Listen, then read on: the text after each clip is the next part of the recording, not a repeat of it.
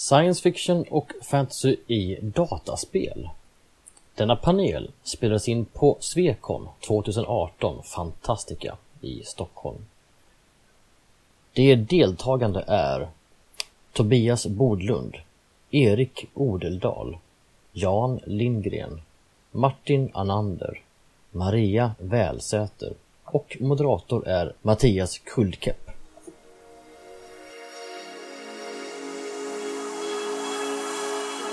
Svekon-poddar. En poddradio från svenska science fiction och fantasykongresser.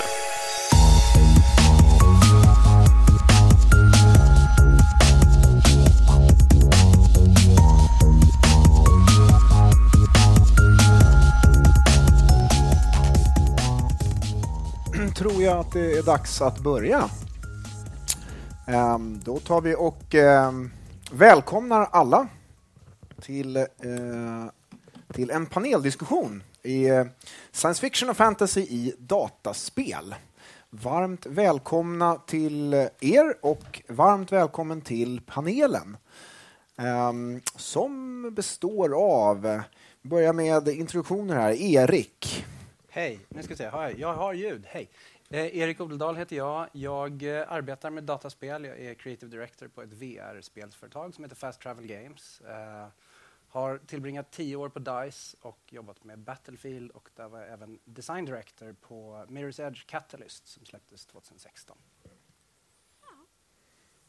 Och sen så har vi bredvid Maria. Jajamän, hej hej. Jag är eh, Maria Wellsäter ska jag väl säga också, så att ni har mitt efternamn. Jag är lärare och författare och eh, har lite bakgrund i spelbranschen ändå. Jag har bland annat jobbat som eh, i marknadsföring och kundsupport för Electronic Arts och nu står jag faktiskt ironiskt nog som säljare på GameStop. Så. Mm.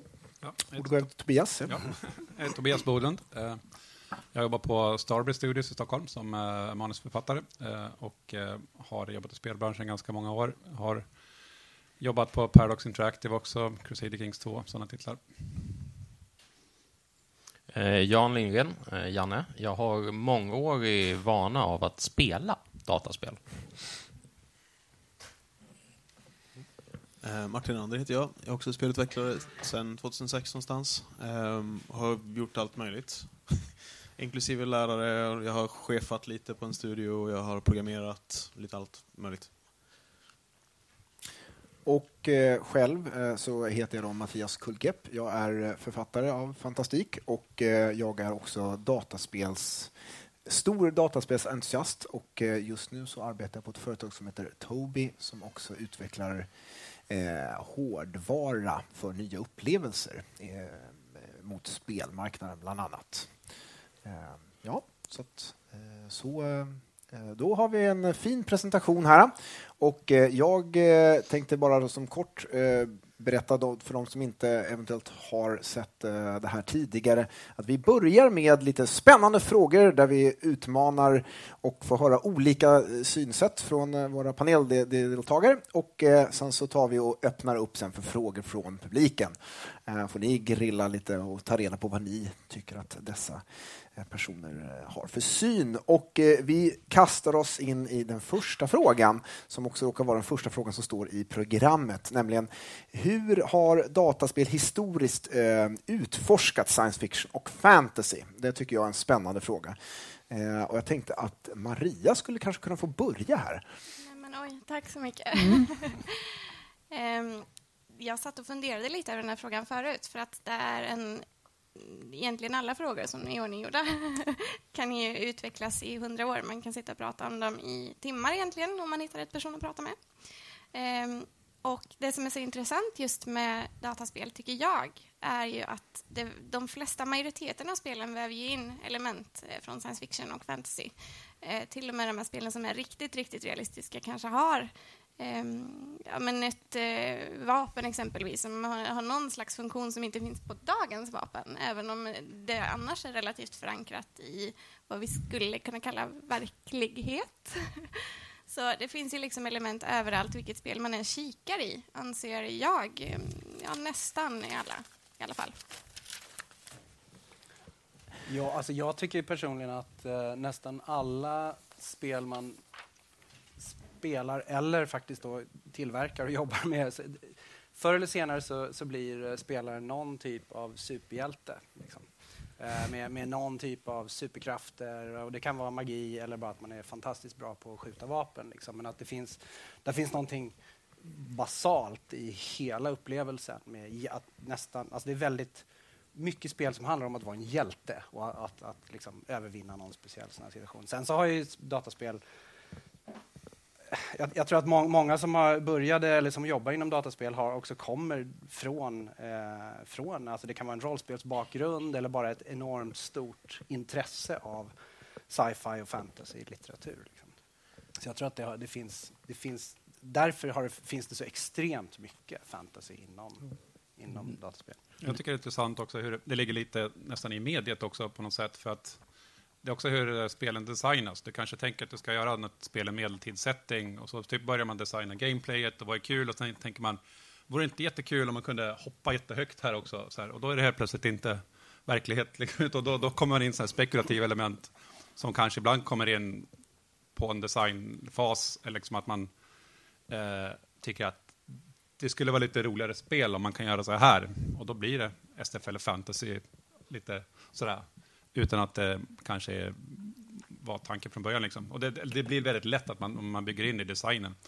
Eh, och hur det ofta händer i verkligheten är kanske helt enkelt att man från början utgår från att självklart så ska vi bygga en värld för det här spelet eller en berättelse som tillåter att man kan göra alla de här balla grejerna. Och då blir det liksom, då blir ju, de flesta spel blir ju på något sätt SF eller fantasy. Liksom. Det, det, jag tänkte på det du var inne på förut, att man ofta blir, blir eh, en hjälte. Det finns ju en väldigt eh, känd äldre spelserie, eh, Space Quest, där man är lite av en antihjälte för man är så jävla klantig. Och det är också ett sätt som de har, man har utforskat genom att göra det till komedi. Hela den spelserien gick ut på att man bara, bara klantade sig igenom allt, men ändå lyckades klara de här svåra sakerna. Vilket var lite av ett intressant koncept, att man är en, en sorts antihjälte. Eh, och jag tyckte de, de spelen var väldigt roliga att spela. Space Quest är väldigt roligt också, jag får bara flika in.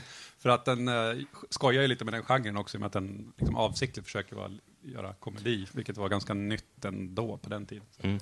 Måste jag ta och flika in en fråga som eh, omedelbart stöter på när vi kommer in på det. Eh, finns det de som eh, konsumerar eh, dataspel eh, och de som konsumerar sci-fi fantasy, skulle ni säga att de överlappar mer eller mindre än övriga så att säga, subkulturer i samhället? Är det, är det vem som helst som tycker om dataspel och vem som helst som tycker om sci-fi? Jag tror, jag tror att det är delvis relaterat till den första frågan också. För att jag menar, väldigt mycket av de dataspel som släpps är baserade på kända varumärken av olika slag. Det kan vara Star Wars, det kan vara superhjältar, det kan vara vad som helst som då väldigt ofta är science fiction och fantasy. För det är den typen av åldersgrupp som många saker riktar sig åt. Och det råkar finnas ett överlapp där och det finns kvar av både tradition och för att det säljer, ska jag tippa. Så, så definitivt. Ehm, då hoppar vi över till eh, nästa fråga som också är en förberedelsefråga, då, inte inne på de här när vi, eh, när ni inte vet vad vi går in på. Då, utan, eh, och det är egentligen vad händer just nu på spelmarknaden? Har, finns det någon, några exempel som ni kan ta fram, spel som är på väg komma eller några trender som, som ni ser där som kopplar fantastik och eh, spel? Uh, vi lyfter över till Martin. um, så det, det är väl jag tycker generellt om, om spel som gör science fiction och försöker göra science fiction på olika sätt, det är att det finns ett par saker som är ganska överrepresenterade. Eh, till exempel galna AIs. Där har vi liksom Portal, System Shock, Soma, vi har massvis med spel som gör galna AIs, det är poppis. Eh, och det kommer nog inte bli färre eftersom att machine learning blir större också. Ja, uh, mitt senaste spel handlar ju förstås om en galen AI. Uh, men jag, ja, den, den, tror jag är en... Uh, det, det, är någonting som har hänt också. Det är, det är väldigt bra med AI eh, för att de, det räcker ofta med att man har deras röst. Man behöver väldigt sällan se dem. Så det är billigast att producera så också. Någon annan som har någonting om, som ser som ja, händer nu? jag tänker vad som händer nu och på senare år, mer än förr kanske, och att det finns mer så ambitiösa världsbyggen liksom, i fantasy, science fiction i dataspel. Man ser till exempel äh, äh, ja, Biowares Mass Effect, det är inte så nytt, men det är ändå så här, det är mer sånt som händer. Att, att eh, eh det läggs väldigt mycket arbete på att bygga väldigt djupa världar. Och Bioware också, jag tar två Bioware-exempel här bara för det, men, men Dragon Age då, som man förstår, försöker liksom, man breddar ut det till att göra liksom, pen and paper-rollspel och grejer. Och, och eh, lägger ner väldigt mycket arbete på att bygga, inte bara liksom bygga ett IP, men också bygga en, en, en, eh, en, värld kring det där som är en långtidsinvestering. Liksom. Och det, det ser man väl mer och mer kring stora produktioner, att man, man, man gör så. Det är intressant, med, liksom, eh, för det är någonting som är i eh, vad ska man säga, väldigt starka, långvariga bokserier också i, i de här genrerna är någonting som verkligen är karaktäristiskt för science fiction och fantasy. Liksom. Lustigt att du säger just Dragon Age, för jag, eh, innan det här så tog jag och eh, eh mejlade med eh, alla paneldeltagarna och eh, bad dem ta nämna lite tongivande spel för dem. Och eh, det visade att eh, eh nästan alla nämnde just Dragon Age, vilket fick mig att känna mig en smula Eh, det känns lite pinsamt. Nu ska jag stå här som moderator. Jag visste inte vad det var, men eh, jag införskaffade det och eh, så att numera så har jag börjat spela det för att eh, det, det, måste man ju göra. Och då undrar jag ju då, vad är det som är ikoniskt med Dragon Age? Var det en slump att fyra av fem av er faktiskt på en ändå hyfsat kort lista med, med namn valde att just eh, ta fram dem? Den... Eh en av de stora sakerna som Dragon Age gör så väldigt bra är ju interaktionen mellan karaktärerna. Alltså man, de här, roll, inte rollspelsbyggandet, men, men hur, man, hur man bygger relationer. Dels så är världen jättestor, dels så det du gör får konsekvenser eh, på ett väldigt spännande sätt. Men också just hur du bygger din egen relation med de andra i ditt team, ditt sällskap, vad man ska kalla det för. Eh, men också deras interaktion mellan varandra. För man, man, är ett, man har en pool på upp, säg uppemot tio personer så kan du alltid ta med dig tre stycken ut på äventyr. Och de sitter, de går och pratar med varandra i bakgrunden när du spelar. Och deras samtal ibland är helt fantastiskt.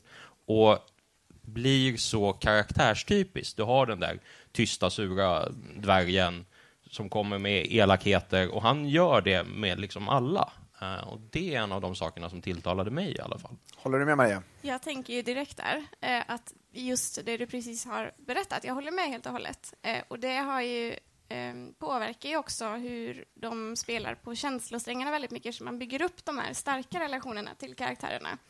Eh, så allting som händer med dem eller kring dem eller allting som sägs och görs som man antingen håller med om väldigt mycket eller som man inte håller med om alls får så mycket, mycket starkare känslomässig effekt på spelaren. Att man reagerar så mycket starkare, man blir mer involverad överlag i hela spelet, i hela storyn, i alla karaktärer på grund av det. Tack så mycket. Um, då tänkte jag faktiskt eh, hoppa in på, för det du nämnde Tobias om uh, eh, stora världar och att det är en trend som du såg, att man bygger mer kring dem, så eh, hade jag en fråga som eh, handlar om, eh, eh får gå tillbaka en bit i tiden, eh, The, The Witcher. eh, Eh, var för mig eh, faktiskt först en spelupplevelse och eh, sen hörde jag att det här är baserat då på, eh, på fantastik.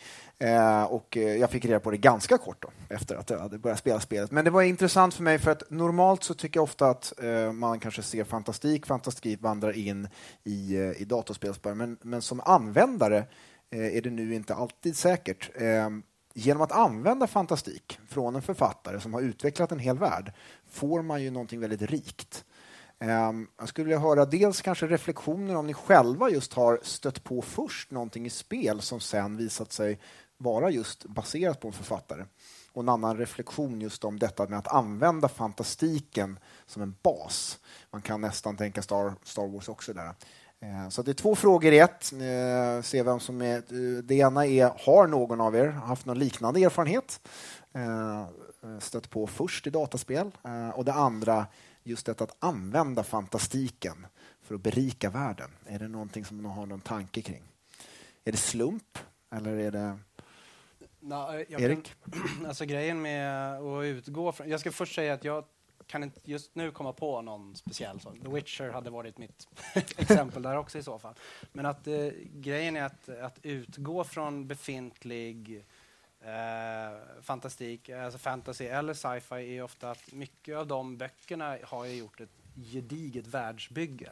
Eh, och, eh, och, och, det är ju skönt som utvecklare när man kanske har en budget och en tidsram och det måste vara färdigt och så vidare. Det är extremt skönt att ha allt det förberett. Liksom, och, och, säga att ja, men jag, vill berätta en, jag vill berätta en berättelse om just den här byn och så vet man vad som finns i den byn eller, eller det rymdskeppet eller den planeten. Eller såna grejer.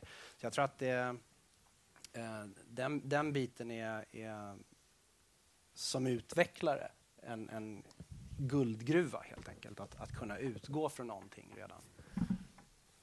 Eh, så därför tror jag man ser det liksom, en hel del. Någon annan som har någon kommentar kring fantastiken? Ja, Martin?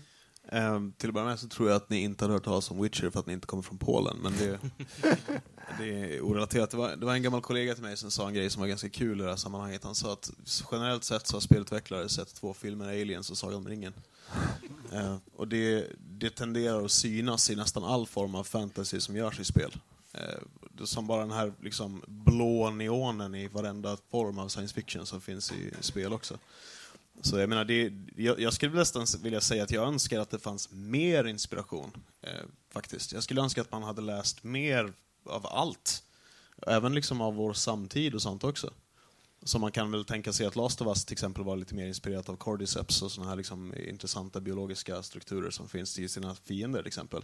Så jag, jag, jag önskar att det var mer sånt. För jag tycker det känns ganska ofta som att spel har ungefär tre olika inspirationskällor. Mm. Um, vi fortsätter på det inspiration och eh, korsbefruktning. Uh, Dungeons and Dragons har ju, det finns ett antal, ett stort område med fantastikromaner eh, uh, kring deras världar. Uh, någonting som Dungeons and Dragons ja, är lite på lite svag is, men eh, om de inte var först med det så var de i alla fall definitivt några som, som eh, som eh, drog mynt av det, detta med levla. Att levla karaktärer blir på det viset ett sätt att eh, bli större och starkare. Jag tror du, du var också inne på det Tobias. Eh, det är någonting som finns ganska rotat också i många spel, fantastikspel. Um, kan det vara så att även rollspel och sånt har påverkat mycket där? Du, du nämnde nämligen att inspirationer var bara, bara eh, aliens och eh, Sagan om ringen, så att säga. Kan, kan de ha hållit på med rollspel eller, eller, eller har de bara apat efter andra spel som i sin tur apade efter Dungeons Dragons? Alltså det, det, finns ju jättemycket rollspel överhuvudtaget. Det gör absolut klasser, vi har liksom mycket hur spelare spelar och agerar och det är jätte, jättemycket, helt klart. Jag spelar, jag spelar, jag spelar själv rollspel och sådär. Jag menar, det, det, är liksom, det finns sjukt mycket som är taget däremellan. Många spelutvecklare spelar rollspel. Så det, men det är exakt vad, det är svårt. Jag menar, dels absolut det, det ytliga som, som till exempel levelsystem och klasser och sådana saker. Men det finns ju också andra typer av saker som historieberättande som är ganska mycket baserat på reaktion. Eh, och sådana saker. Så det är, spel, brädspel och rollspel och sådana saker, det har nog nästan ännu mer eh, påverkan faktiskt på digitala spel. Jag tror att väldigt många tongivande speldesigners under liksom 90-talet och sådär också när, när dataspelsbranschen började växa väldigt mycket eh, hade spelat liksom Dungeons Dragons och andra rollspel och, och det, liksom, det, det, syns på spelen. eh, och det är ju inte så konstigt heller för att eh, många kanske började jobba med det där för att man, liksom, man hade spelat mycket rollspel eh, kände liksom att det här är kul, kan vi göra det här större? Liksom. Och eh, eh, många av de här mekanikerna i rollspel med liksom så här, man, man bygger upp sina skills, sina skill points, liksom levlar, XP, allting. Allt det där finns i dataspel nu för tiden. Eh, och eh, på, på ett sätt kan man säga att eh, många dataspel är ju lite så här, nästan en så här datoriserad upplevelse av eh, rolls, rollspel, liksom. alltså, utifrån vad man gjorde i rollspel innan. Alltså, det, är, det är många som försöker göra det och det är för att det är roligt. Liksom. Så det, det, det, eh, visst har det påverkat jättemycket tror jag. Det har ju gjorts rena importer av, av rollspel också. Dungeons and Dragons har blivit ett, ett, ett dataspel. Eh, ett mindre känt för många eh, cyberpunk-spel som heter Shadowrun försökte de göra till dataspel. Det floppade för att de höll sig inte till, till IPn, alltså till världen. De ändrade på massa grejer. Nu kommer, troligtvis nästa år, kommer Cyberpunk 2077, som, såvida inte jag har missat någonting, är bara baserat på ett rollspel. Um, så det är någonting som händer lite då och då. Uh, det vore kul om det hände mer, tycker jag. Mm. Jag tänkte bara inflika snabbt här, men även rent tekniskt så har du ju mycket användning av, att, av systemtänket i rollspel och, och liksom du, du får i stort sett en manual, så här kan du bygga det här systemet. Mm. Sen så handlar det bara om att knacka upp koden. Liksom. Så mycket inspiration kan även vara rent teknisk och praktisk. Hur löser du vissa designproblem? Vi hoppar tillbaka till en av de eh, för, för, förberedelsefrågorna där. Eh, om det är så att ni har några saker som eh, från början skapats i spel och sen spridits till andra media. Om det är någon som har något sånt exempel. Jag tror det. Jag känner mig hyfsat säker på att den här sura roboten i Rogue One har en föregångare i en väl lika, eller ännu surare robot i Knights of the Old Republic. Eh, det är inte någonting som jag sett uttalat någonstans, men jag känner mig övertygad om det. Mm. jo, definitivt. det är en väldigt sur robot som är väldigt rolig. Eh, och eh, Knights of the Old Republic är ju ett bra exempel också här, för att eh, det är ju Bioware som skulle göra Star Wars-spel då. Vilket år kom det egentligen? 2004 tror jag. 2004, ja. Och, eh, då tar de Star Wars och så Uh, jag vet liksom inte riktigt hur besluten kom från början och så, men då, då tar de Star Wars och sätter Star Wars i en helt annan miljö tusentals år innan Star Wars-filmerna. Och bygger egentligen sin egen berättelse och sin egen liksom, grej i Star Wars-universumet. Uh, och där har vi Darth Revan uh, och sådana karaktärer som kommer därifrån och liksom, nu kan man köpa det är väldigt sällsynt i och för sig, men det finns, det finns en legofigur, Darth Revan, liksom, och det kommer från dataspel från början. Och, har då blivit liksom en del av Star Wars-canon. Eh, och eh, det är en ganska stor grej, tycker jag. Liksom, eh, mm. Sen är det ju, ja. alltså, det, det även inom det är många spel som görs eh, och som har många kringprodukter som Batman-spelen, till exempel Arkham-spelen och så då dyker det plötsligt upp eh, Arkham-serier. Alltså, Batman är serietidning från början, blir dataspel och sen så blir det serietidning av dataspelet eller inte ens nödvändigtvis exakt av dataspelet utan kring stories som har med det att göra. och sånt där. Så det där, Jag tror att det liksom korsbefruktas hela tiden.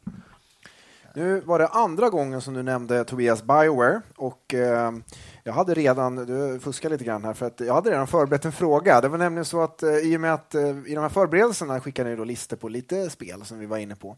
Och jag märkte bara att ja, men det är väldigt, många av de här är Bioware som folk hade nämnt. Och när jag själv började ticka så, så insåg jag att många, många titlar har påverkat mig väldigt mycket. Jag har älskat dem eh, genom åren. Eh, så att, eh, uppenbarligen har de lyckats med någonting. De har varit liksom, uh, gått i den här genren. Uh, jag skulle höra, vilka andra spelstudios, har ni några andra som ni också uh, kan säga att de här också tydligt har gått så här mot sci-fi och fantasy? Ja. Alltså för min, för min del så älskar jag och är mycket inspirerad av, av spel som gjordes av Looking Glass och sånt som senare sen de gjorde System Shock 2, eh, var det väl de gjorde och de gjorde Thief och så vidare och sen så gick folk där vidare till andra studios och jobbade med Bioshock och så vidare. Eh, och, eh, och grejen är just, just själva genren och sättet man spelar är någonting som också har, har spridit sig till många andra genrer som är egentligen tagit en nästan en liten roll, en roll, rollspel och första persons skjutare och sen så har de gift det till någon ny sorts intressant upplevelse. Liksom. Uh, och uh, som fortfar det görs fortfarande spel i, i samma stil som Deus Ex-spelen eller Prey senast och sånt där som har blivit sin egen genre kanske. Uh, jo. Och så Bethesda såklart också. Ja, förstås. Mm. Alltså Fallout 4 till exempel är ju verkligen ett spel som har det här rollspelskänslan. Liksom, känslan.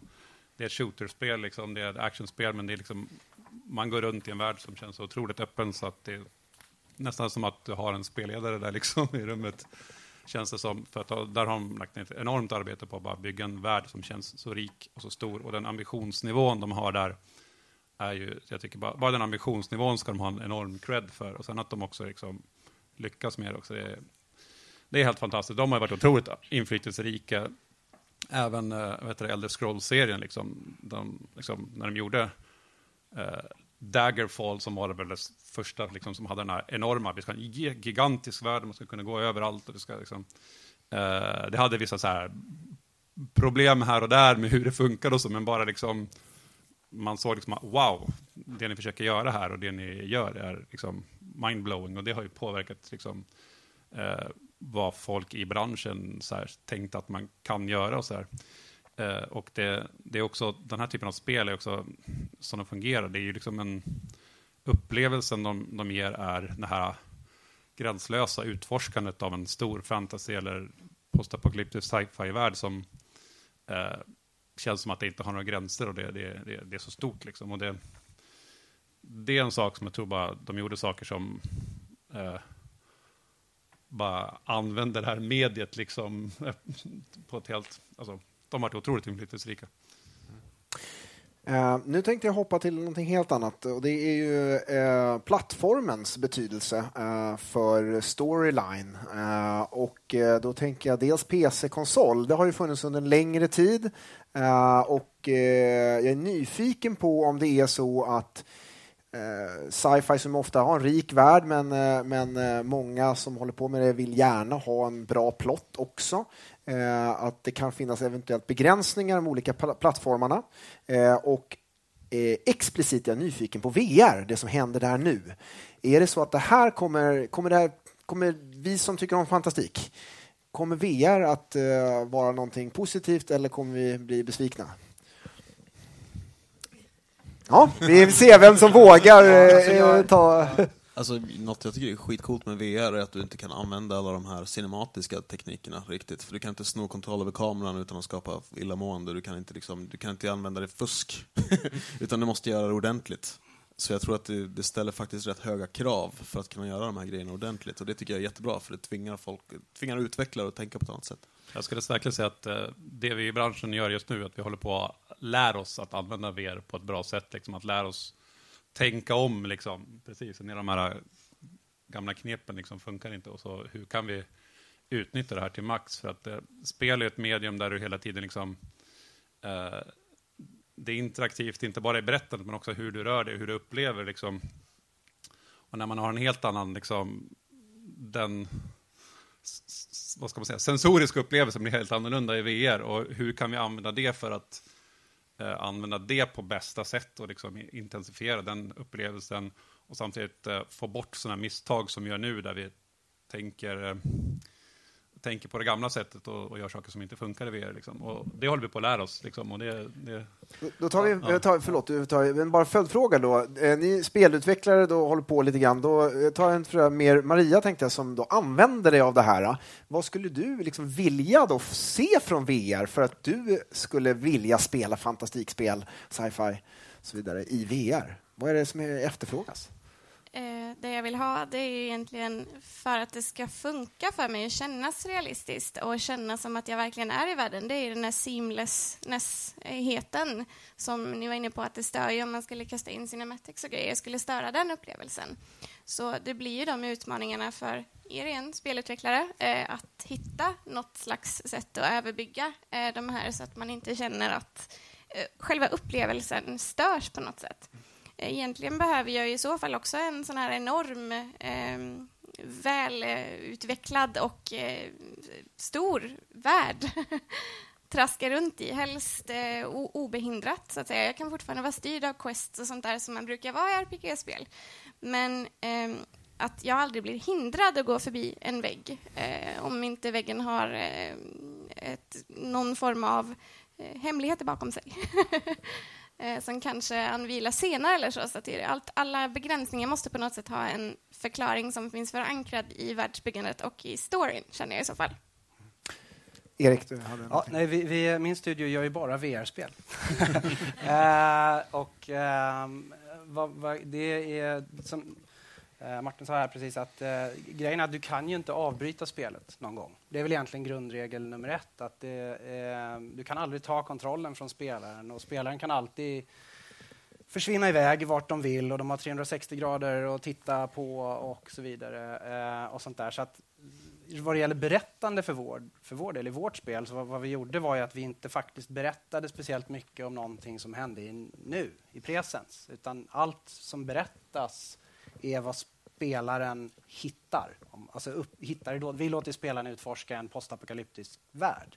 Och, där, eh, och, se, och se till då att det är man får hitta spår och förklaringar av vad som har hänt. Men vi kan liksom väl, väldigt, väldigt lite storytelling driver vi i presens, helt enkelt. Utan då är det mer snarare klassiska konflikt och det är fight och man får skjuta pilbåge och sådana grejer.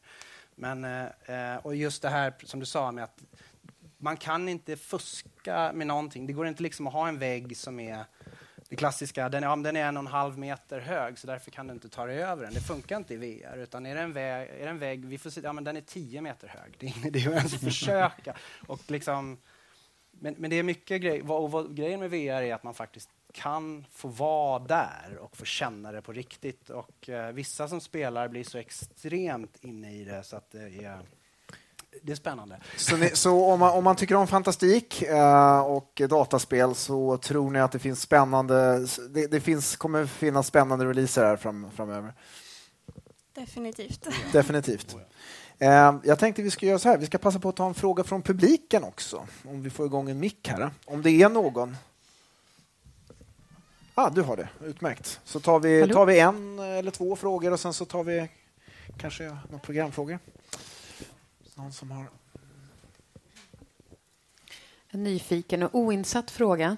Eh, hur det går vi pratar ju om inspiration från fantastiken till spelen. Händer det att liksom, författare själva kommer till studios och säger hej, hej, jag har den här världen, jag har den här storyn och sen så inleder man samarbeten på det viset? Det brukar nog vara tvärtom. det är mycket vanligare att en spelstudio vänder sig till en författare eh, och eh, ja, helt enkelt ber om assistans att skriva. Någon annan fråga där? Här kommer en mikrofon. Jag bara tänkte apropå frågan om, om studios som, som har jobbat med, med fantastik kommer jag genast att tänka på Westwood som ju byggde ett rätt mycket av sitt imperium på, på Dune, Command and Conquer och Red alert som är alla tre alla tre är ganska fantastiska.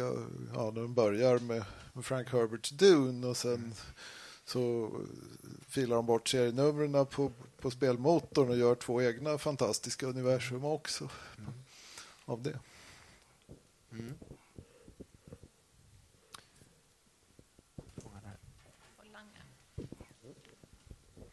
Nej, men speltips då? Eh, ni får ju säga ert favoritfantastikspel och eh, varför, helt enkelt.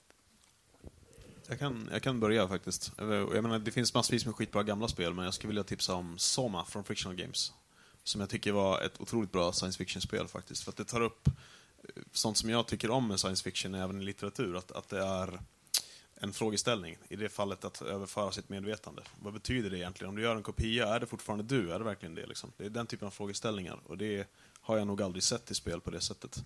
Så jag tycker det danar vägen lite för en ganska häftig framtid där vi får vad jag vill kalla riktig science fiction.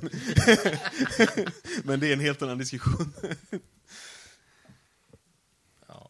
det min tur nu, eller? Ja. Jag har ja. suttit och försökt medan eh, du pratade så har jag försökt komma ner till och bara ett spel som jag ska tipsa om och det är skitsvårt.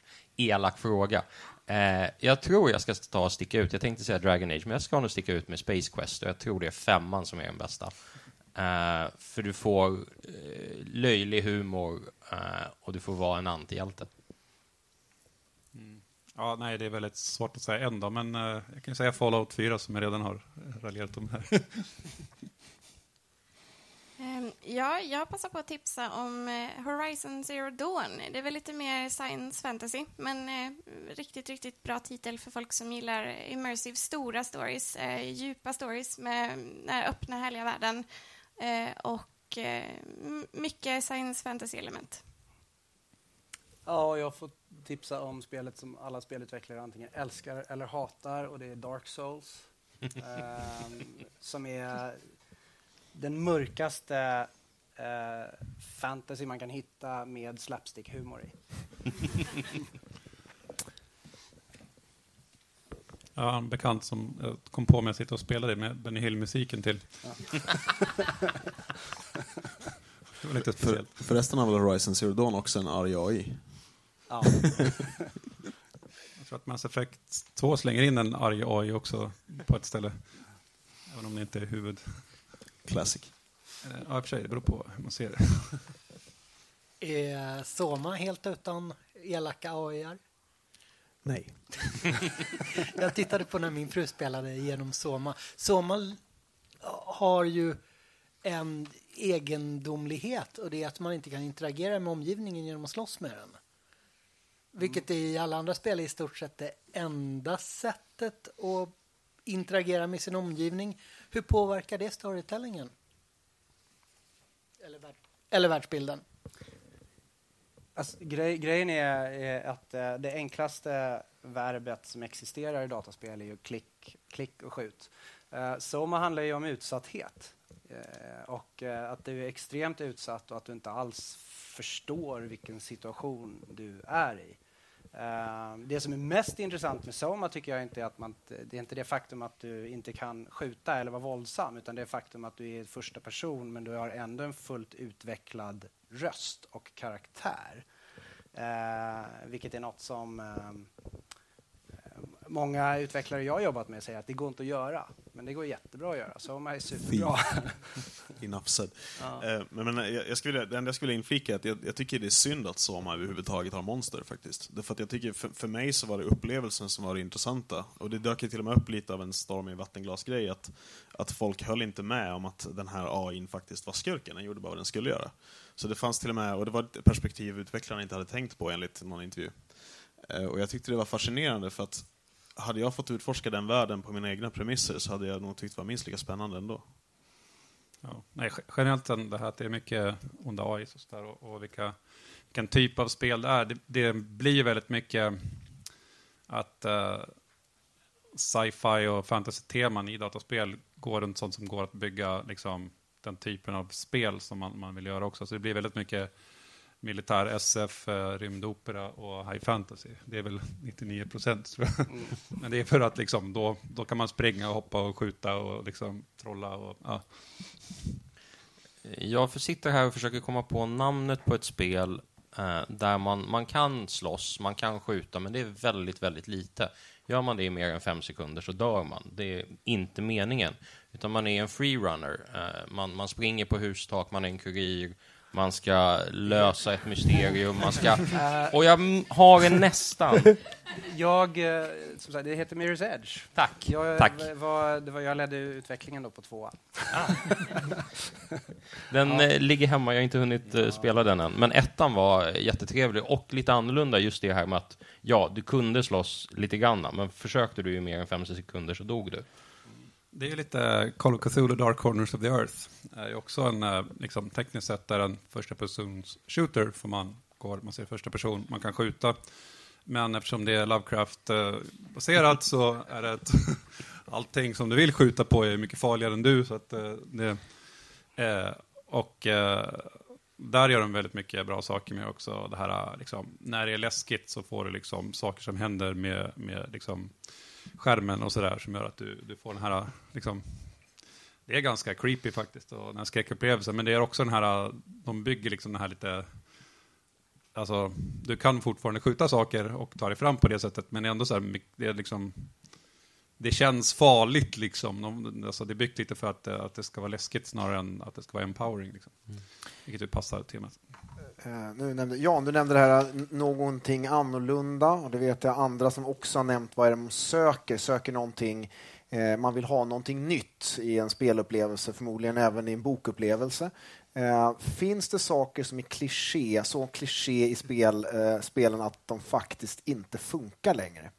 Ni var inne på den här elaka AI, men, men den säger ju att den är ju kvar, så uppenbarligen så säljer den fortfarande. Finns det någonting som är så kliché som har tagit över från fantasyvärlden, eh, sci-fi, att det inte säljer längre? Min korta kommentar där är att uh, det finns ingenting som är så kliché att det inte fortfarande funkar. sen, så det det, kanske- ja, sen så finns det ju gott om saker som man önskar att man aldrig behövde se igen. Mm. Ser jag Orcher och Alver en gång till så hoppar jag av en bro. Det, det räcker. Jag ser en till dvärg som pratar skotska. Så. Ja.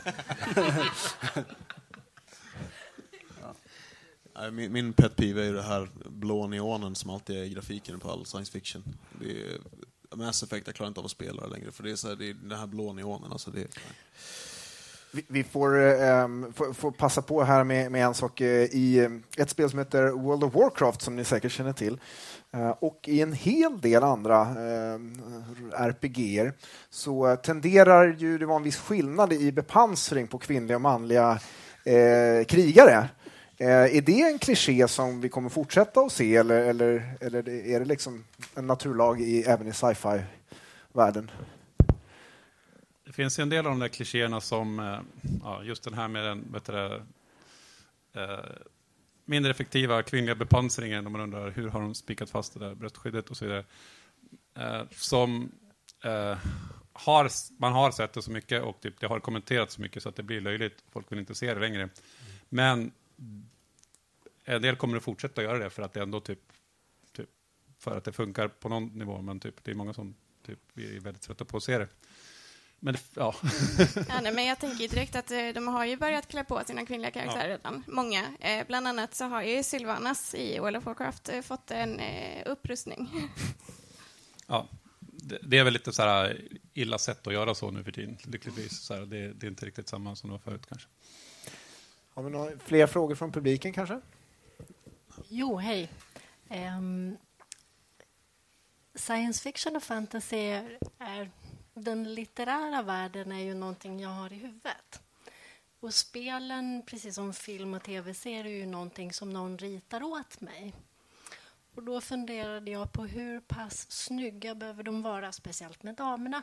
Men hur, hur snygg behöver världen vara? Hur elegant behöver den vara för att vara bra? Eller måste den vara jättedetaljrik och riktigt snygg? För så ser jag en del av utvecklingen. Eller vad tycker ni om det?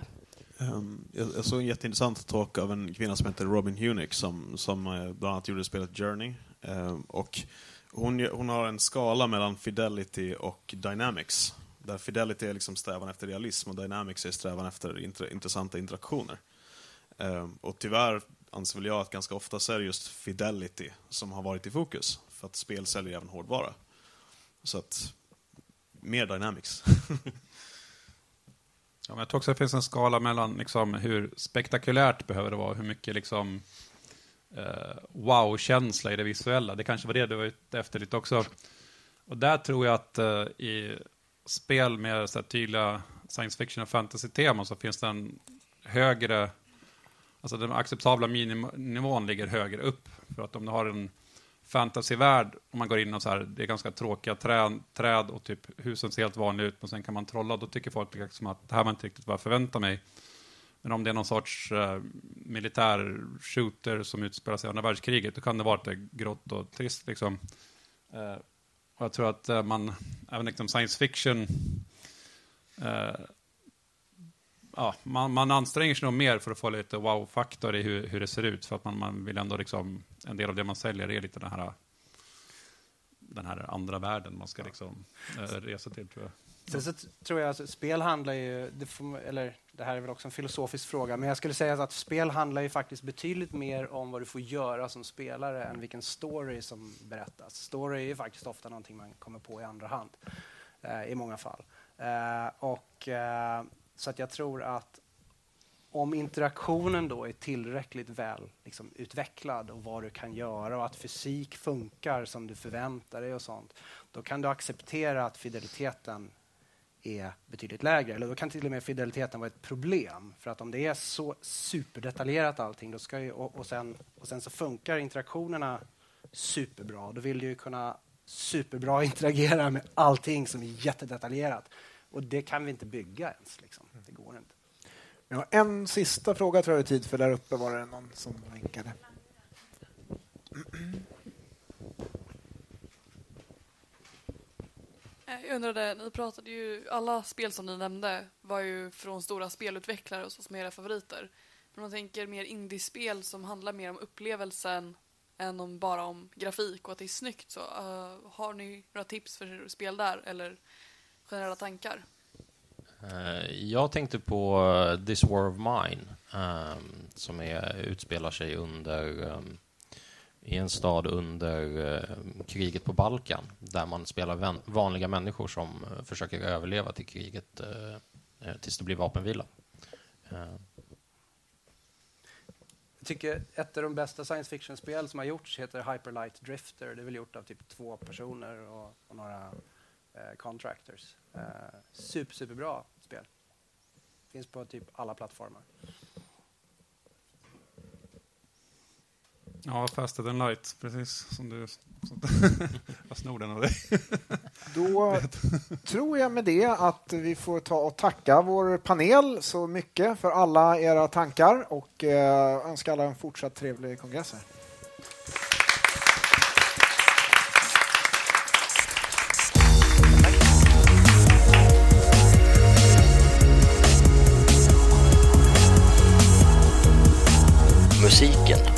Psychedelic Pedestrian från Free Music Archive.